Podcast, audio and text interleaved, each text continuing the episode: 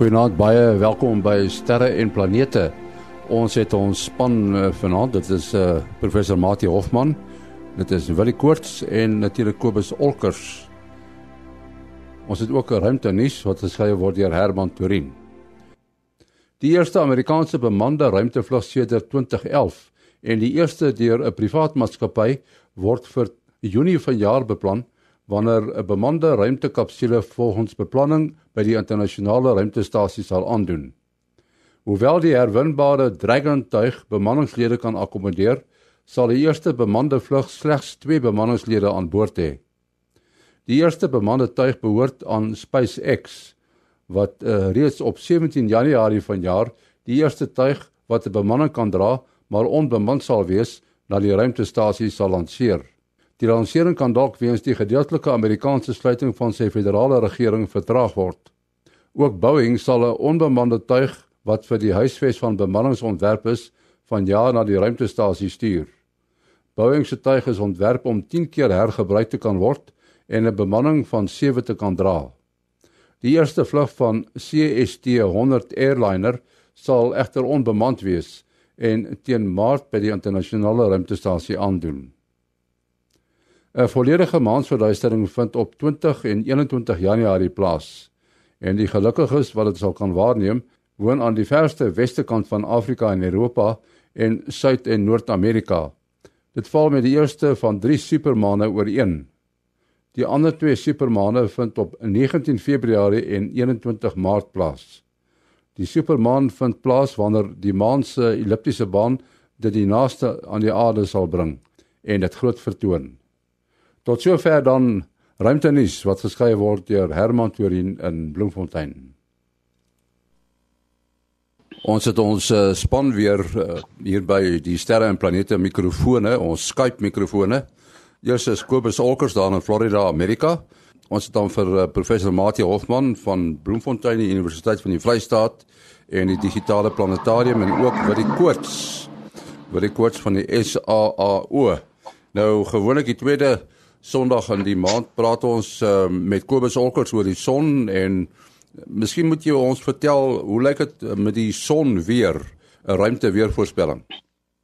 Wat die son aan betref, hy lyk omtrent soos een van hierdie kersballetjies wat ek nou na sit en kyk teen van die ekstraal beelde. Vreeslik aan die blink en so en daar's 'n baie interessante ding op hom uh wat so teen oormôre oggend gaan begin geo-effektief raak.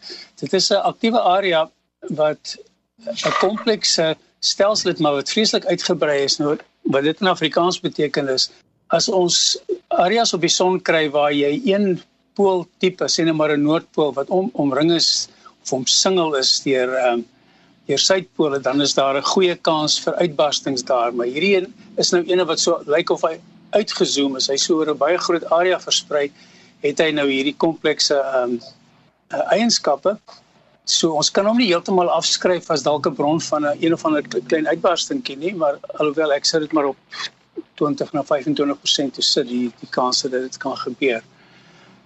En hy is geo-effektief van soos ek sê oormôre oggend af en ons sal tot tot Sondag toe daar 'n kans dat as hy meer kompleks raak of meer intens raak dat hy kan uitbars. Dan is daar 'n 'n kleinerige koronagat wat reeds uh, gisteraand begin geo-effektief raak het. Uh die mense in die verre noorde en suide sien alreeds auroras van hom af. En natuurlik weet ons so langafstand radio luisteraars ook van hom. En uh wat filamente aan betref is daar niks om oor huis toe te skryf nie. Ek kan 'n paar van hulle sien, vreeslike lang, een van hy seker omtrent 20000 km lank, maar um hy is dit baie stabiel daar. Hy is daar soos die Drakensberge sonder om uit te bars. Nou ja, tot sover die ruimte weer. Ja, ons het gesê dat ons uh, luisteraars vrae gaan beantwoord en uh, ons het so 'n paar kies gekry. Jy moet maar geduldig wees want uh, dis nie te sê dat ons al die vrae in een program kan beantwoord nie, maar ons het hier 'n um, e-pos van Neville Barnardo gekry.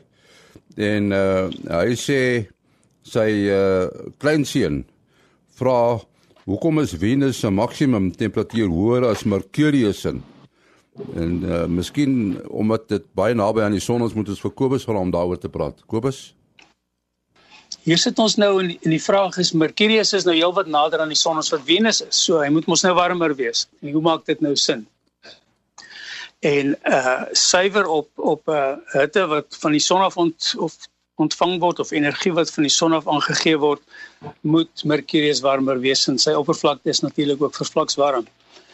Maar Venus, Venus is 'n is 'n planeet wat uh, sekere mense sê dat dit kan wees hoe die aarde sal lyk as ons weghol klimaatsverandering het. Venus het 'n het 'n atmosfeer.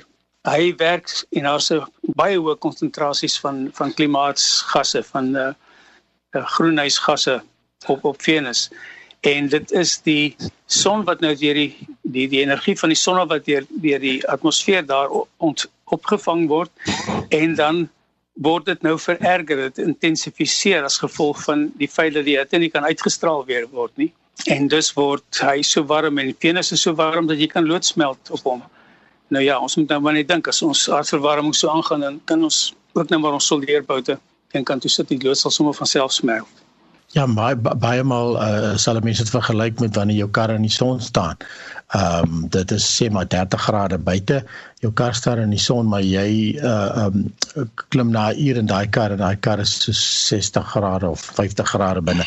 En uh dieselfde idee, die uh sonlig skyn lekker deur die ruitte uh word in hitte omskep en die hitte kan nie ontsnap nie want vir glas is hitte natuurlik ondeursigtig en dan presies dieselfde effek nê. Nee. Presies, uitstekende vergelyking en dit bring ons nou sommer reguit na 'n uh, uh, volgende vraag wat wat ek het ek het 'n paar soortgelyke vrae gekry van mense wat wat nie heeltemal kan verstaan dat hoe is daar nou verskillende tipes energie in in verskillende golflengtes van lig nie of, of mense kan nou maar sê in verskillende kleure van lig nie.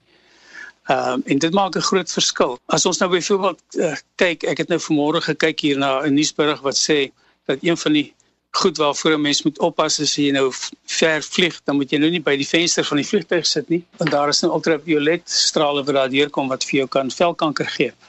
En dit is 'n baie geldige argument. Ultraviolet is 'n is 'n is 'n is 'n straling tipe of soos ek sê golflengte van van van lig wat ons nie kan sien nie. Hy's ons ons oë kan nie in daardie uh, omgewing kyk nie. Daar's wel sekere voels wat dit kan doen. Maar ultraviolet het baie meer energie in sy fotone. Fotone is nou die is nou die partikeltjies wat die wat die energie vervoer van van lig of van enige elektromagnetiese straling. As jy ultraviolet lig het, nou suiwer ultraviolet lig, hulle noem dit black light. Jy kan die ding nie sien nie, maar sy effek kan jy duidelik sien as jy hom nou skyn op 'n stuk wit hemp byvoorbeeld met stysel en dan gloei dit in die donker.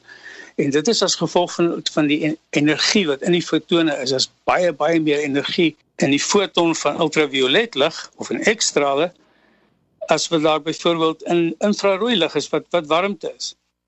Nou ons het 'n luisteraar gehad, 'n luisteraar gehad wat vra, hoekom uh hoekom kan ons nou nie die ultraviolet sien nie, maar ons kan wel die hitte voel wanneer dit nou in die in die by die aarde se kant aankom en hy het dit eintlik baie goed raak gesien. Hy het gesê dat die die onsigbare lig, die donker lig word oms, omskep in 'n ander soort van lig. En dit is 'n baie baie goeie uh, waarneming wat hy gemaak het. En ons kan nou maar dit uitprobeer. Jy kan nou maar voor jou verwarmer gaan lê wat vreeslik baie infrarooi uitstraal. Uh en jy kan nou maar kyk of jy eh, 'n uh, sonbrand kan kry daar. Jy kan daar lê vir vir 'n paar jaar en jy sal nooit 'n sonbrand kry nie. Jy sal net al hoe bleker word, maar jy sal warm wees. Terwyl weer as jy nou in 'n ultraviolet bed gaan lê en as jy dan nou die ultraviolet inkom, jy kan die ding nie voel nie dit is hoekom dit so gevaarlik is op die strand. Ons het 'n paar jaar gelede daaroor ook gesels as jy op die strand sit en jy kan nie die hitte voel nie. Die ultraviolet kom nog steeds deur en jy sit daar en jy brand jouself bloedrus sonder dat jy warm warmte gevoel het. En dit lei dan net tot nog 'n dingetjie oor oor straling. Uh die feit dat ons dat die ruimte vir ons donker lyk is natuurlik omdat daar niks is in die ruimte waar teen die lig kan vaskyn nie. Ons sien die lig mos maar net, net uh, as 'n weerkaatsing. Die blou lig van die aarde is maar net weer die ligstrale wat van die son afkom wat dan nou uh wat is tog hier Afrikaans geskatter word deur die lugmolekules daarin en dis hoekom hy vir ons blou lyk. Ons moet ook 'n bietjie praat worry oor die uh die Chinese karretjie wat nou uh, agter die maan rondry nê nee, op die deel wat ons eintlik nooit kan sien nie. Uh, as mense 'n bietjie gaan teruglees op hierdie program dan is hulle al eintlik 'n klompie jare aan die gang. Ehm um, so waar die Amerikaners hulle uh, maansendings Apollo genoem het, en uh, noem die Chinese dit chains. Nou ek weet ek of ek dit reg uitspreek nie, maar jy spel hom soos 'n klein geld en met 'n afkappings e op die einde. So ek dink mense sê Shanghai en hulle het al die uh, so hierdie is al die 4de Shanghai uh, uh, uh, sending dat nou um en dit het uit die aard van die saak begin met met die eerstes uh, uh Shanghai 3 was al in in 2003 uh, uh gelanseer uh wat ook op die op die maan geland het uh, met met net 'n lander. Um en dan is daar ook 'n 'n 'n tuig in uh, op die Lagrange 2 punt gesit. Nou die as 'n mens dink aan as jy tussen die aarde en die maan sou beweeg, gaan jy ergens 'n punt kry waar die aarde jou nie meer aantrek nie en die maan jou begin aantrek en en dan is daar 'n punt waar dit uitkanselleer. Daar's ook so 'n punt aan die ander kant van die maan, ver aan die kant die maan.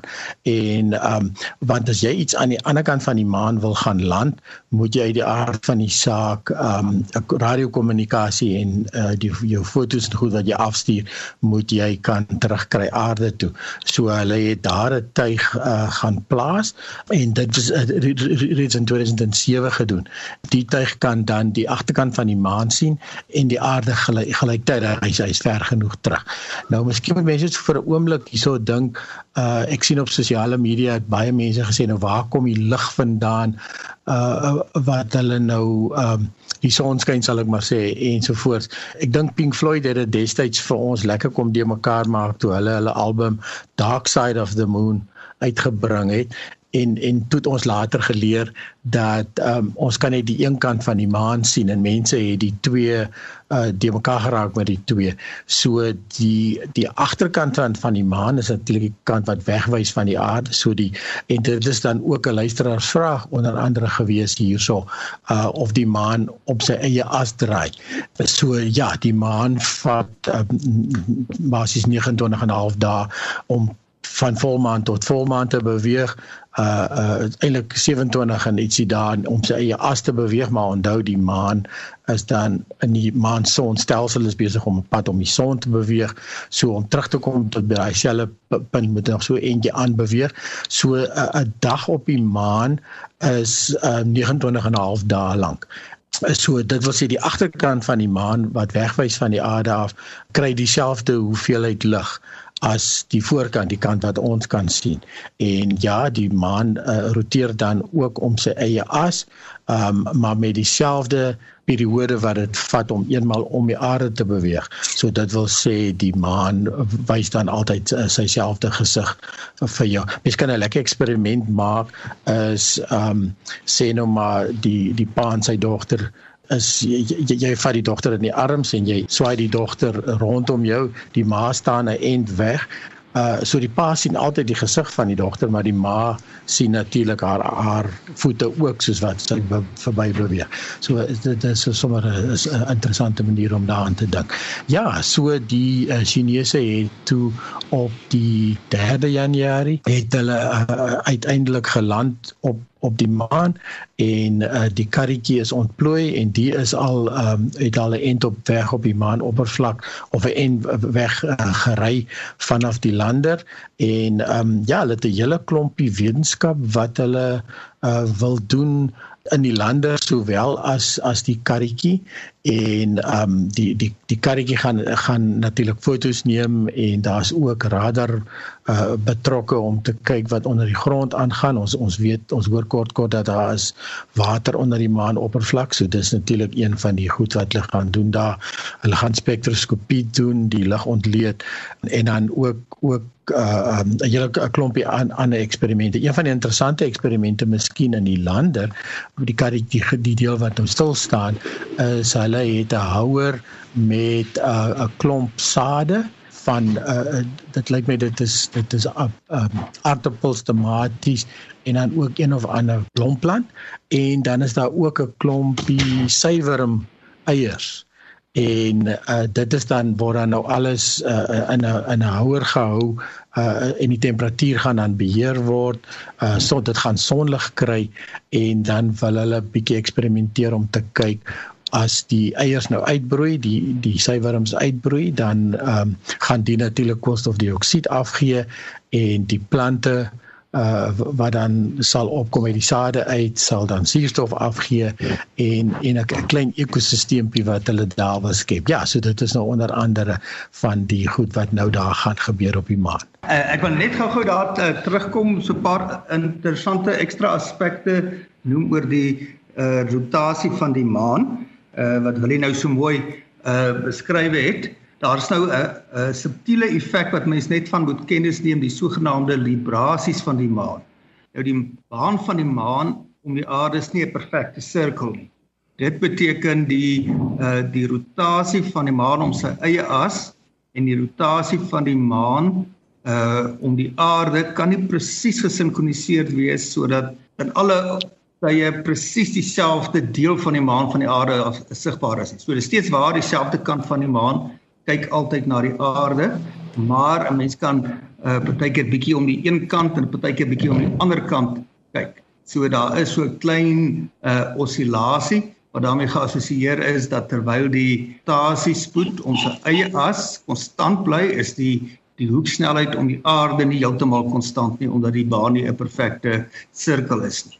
Die aarde uh, is natuurlik die meer massiewe uh, voorwerp en vanaf die maan gesien kan jy verskillende kante van die aarde sien. So die aarde se rotasie is nie gesinkroniseer met hierdie relatiewe rotasie van die twee voorwerpe om hulle massa middelpunt. Om beskryf voorwerpe uh waar dit wel die geval is as jy 'n binêre uh, stelsel het wat die massas meer vergelykbaar is en 'n baie goeie voorbeeld daarvan is Pluto en Charon. Ek eh, die maan Charon is, is baie groot in vergelyking met Pluto. So beide Pluto en Charon wys hulle selfde gesig altyd vir die ander uh, vir die ander ene. Ja, ander vraag wat ek wil vra, miskien aan jou, Willie, uh dit lyk my die ouens is bekommerd oor uh opportunity wat nog geen woord van hom laat hoor dit nie na daai stofstorm ek het nogal jy's ook 'n uh, uh, WhatsApp vraag gekry oor opportunity en uh, ek het eintlik so al vergeet. Ek het gedog opportunity is heel aan die gang en toe onthou ek ja ja ja het jy's dieselfde ding gesê. Ehm um, en en ehm um, dit is interessant dat mense wonder ehm um, uh, ek dink ja het laaste gesê hulle luister nog met elke geleentheid of daar enige ehm um, radiokommunikasie van opportunity afkom maar ehm um, op die stadium lyk dit asof daar of dis daar definitief geen geen reaksie nie. So ehm um, 'n mens wonder nou of dit nou ook iets te doen het die eerste ding wat hulle altyd moes gedink het is die sonpanele wat vol stof raak, maar dit het mos nou mooi agtergekom omdat daar geen water op die maan is nie, is die stof klou glad nie soos op die aarde nie, so met daai ehm um, warrelwindjies wat daar verbykom, waai die uh sonpanele pragtig skoon. En dan uh die ander ding is natuurlik die geweldige lae temperature wat jy in die Mars uh winters of die wanneer daar nie son of wanneer die die winterson wat uh dieselfde effek op die aarde die uh, uh seisoene op Mars uh, is ook wanneer die son baie laer oor beweeg oor die oppervlak en baie flouer is. En dit wil sê uh, die elektronika van uh, die toestelle uh, koel af koel af. Iets anders is ook natuurlik die batterye. 'n Battery is 'n chemiese ding en 'n chemiese ding hou mos maar van uh, sekere temperature om beter te werk of, of om so af werk swakker by ander temperature, veral koue temperature. So uh, ja, ons ons wag in spanning en ons ons hoop ja, Piet eendag vir ons 'n uh, 'n antwoord.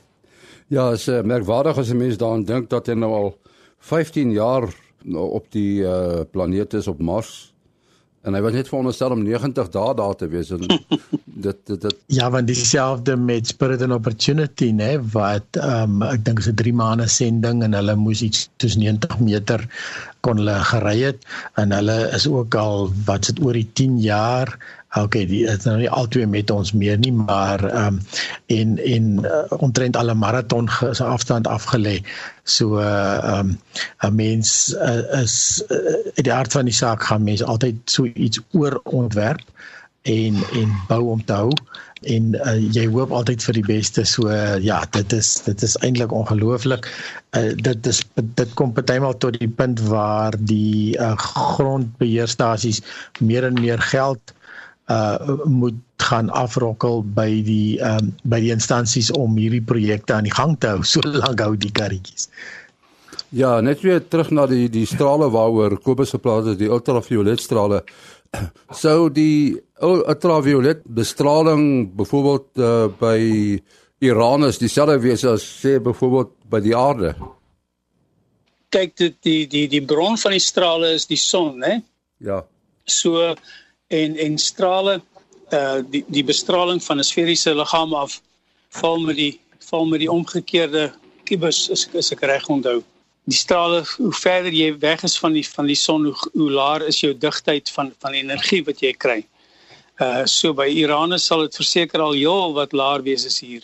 Wat wel waar is is dat die die spektrum sal essensieel dieselfde wees want die uh omdat dit leer ruimte is uh, tussen die son en Uranus feitelik leer ruimte so daar sal nie sterker absorpsie van een deel van die spektrum teenoor 'n ander deel van die spektrum wees nie. So persentasie ja, ja. wys sal daar net soveel ultraviolet lig wees as op uh, dit wat by die bokant van die aarde se atmosfeer aankom uh, wat by die aarde se oppervlak aankom en wat nou by 'n uh, oppervlak by die gas gasplanete nie maar ek kan my voorstel dat die absorpsie van ultraviolet lig ja uh, by van die planete se uh, atmosfere verskillend sal wees.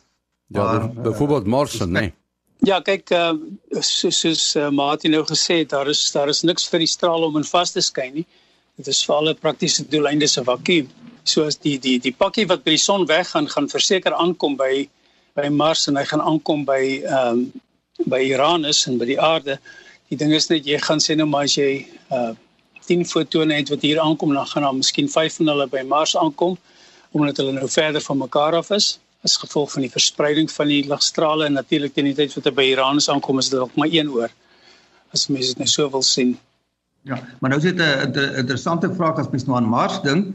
Uh hy's wel verder van die son as die aarde, so hy gaan 'n laer intensiteit kry, maar nou is sy atmosfeer 100 maal dunner as die aarde se, so daar gaan baie min ultraviolet absorpsie of enige ander absorpsie in sy atmosfeer plaasvind.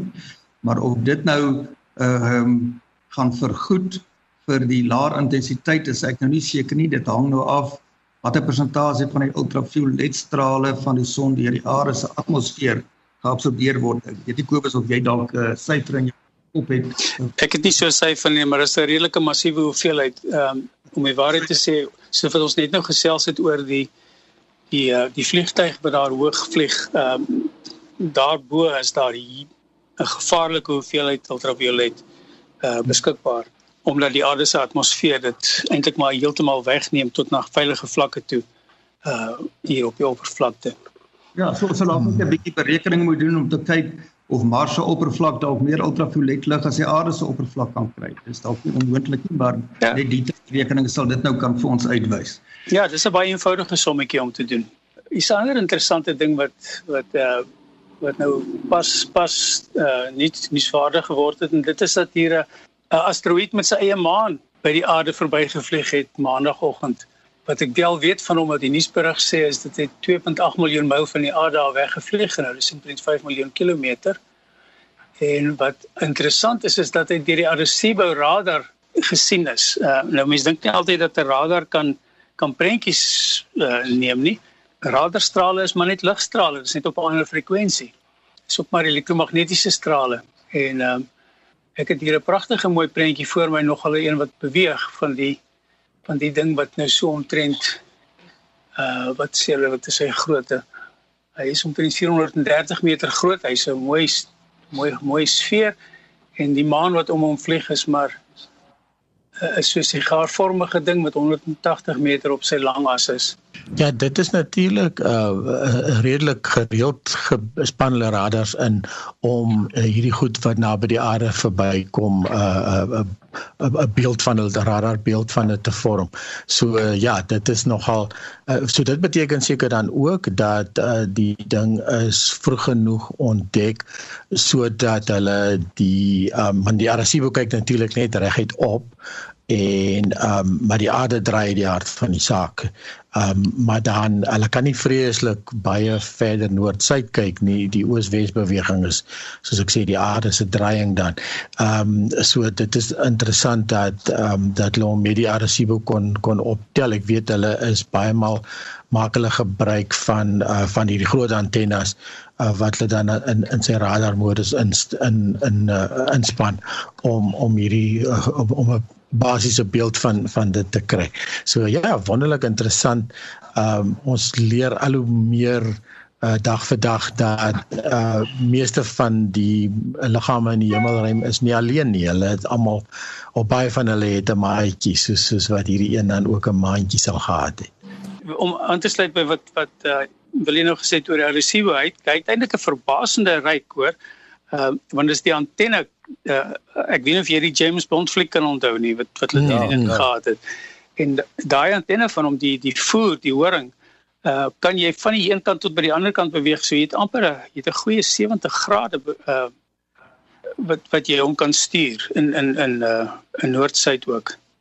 Sjoe, soveel. Ja, kyk, salt is maar uh, 12 grade wat dieselfde prinsip ja. gebruik. Ja. Ja, en ek hoor die okay. Chinese het ook nou 'n gebou wat nog groter is. Nou ons moet uh, afsluit. Uh, Mate jou besonderhede.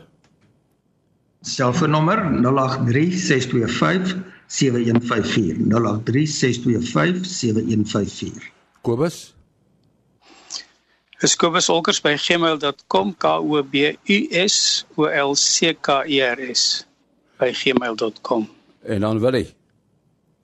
Ja, 0724579208.